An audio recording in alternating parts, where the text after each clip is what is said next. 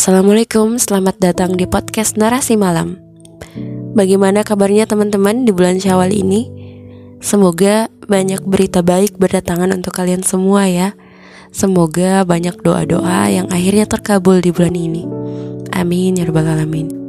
Oh iya, mohon maaf lahir batin ya teman-teman. Maafkan kalau selama ini belum maksimal dan konsisten buat podcast. Dan maafin juga kalau mungkin selama ini ada salah-salah kata yang tanpa sengaja menyinggung hati teman-teman semua. Tolong dimaafin ya.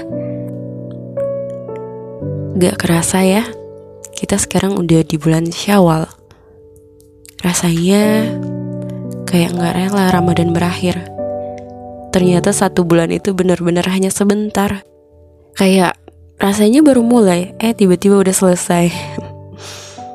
Dan sekarang di bulan Syawal Salah satu tantangan terbesar setelah Ramadan adalah mempertahankan kebiasaan-kebiasaan atau rutinitas yang sudah kita bangun selama bulan Ramadan. Mulai dari sholat malamnya, bangun di sepertiga malam, sholat duha, salawat, zikir, baca Al-Quran, dan amalan-amalan lainnya. Karena kadang memulai itu jauh lebih mudah daripada mempertahankan. Jadi ini adalah tantangan yang wajib kita menangkan. Ya karena sudah susah payah membangun rutinitas selama bulan Ramadan. Jadi jangan sampai setelah bulan Ramadan semuanya malah hilang begitu saja. Salah satu cara atau salah satu ikhtiar kita untuk mempertahankan rutinitas selama bulan Ramadan adalah dengan bersegera melaksanakan puasa Syawal atau untuk perempuan segera membayar utang puasa. Dan meskipun mungkin ibadah kita masih belum semaksimal seperti Ramadan, tapi tetap harus dipaksakan. Misalnya dalam Ramadan, kita biasanya baca Al-Quran satu juz dalam sehari. Nah setelah Ramadan, jangan sampai kita sama sekali nggak baca Al-Quran lagi.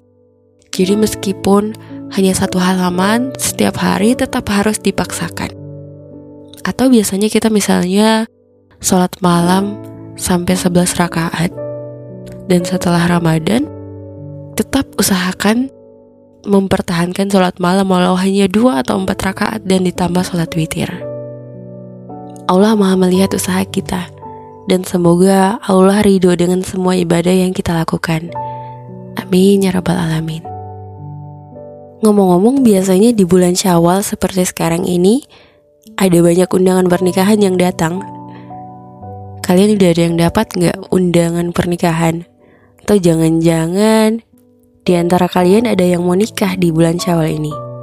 Aku doakan semoga yang berniat menikah di bulan syawal ini Allah mudahkan dan Allah ridhoi. Amin ya rabbal alamin. Dan buat yang belum ketemu dengan jodohnya Tenang aja gak perlu berkecil hati.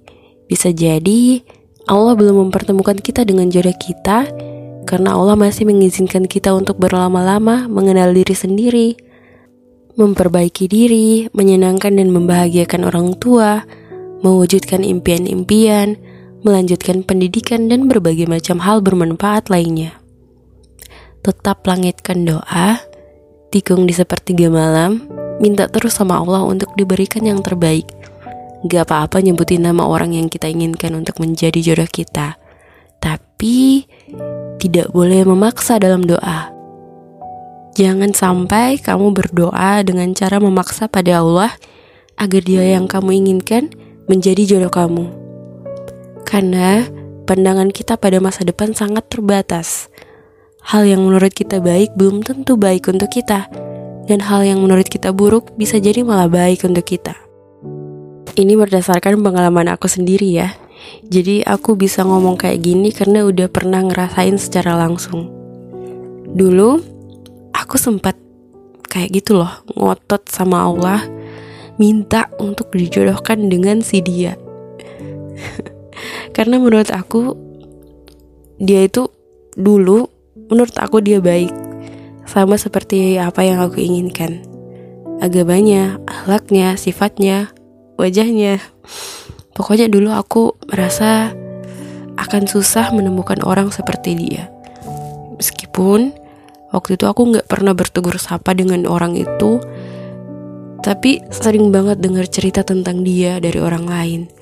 Saking ototnya aku dulu, aku sampai benar-benar berharap dan jadinya malah uh, berharap pada manusia. Astagfirullah. Dan benar aja. Alhamdulillah, Allah selamatkan aku dari rencana yang aku buat. Rencana yang hanya akan menjerumuskan aku. Dia akhirnya nikah dengan orang lain. Alhamdulillah.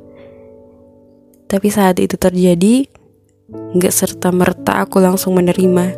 Ada sedikit penolakan dalam hati. Karena sebagai manusia yang terbatas untuk memahami takdir Allah, saat itu aku sempat bertanya, kenapa bukan aku ya Allah?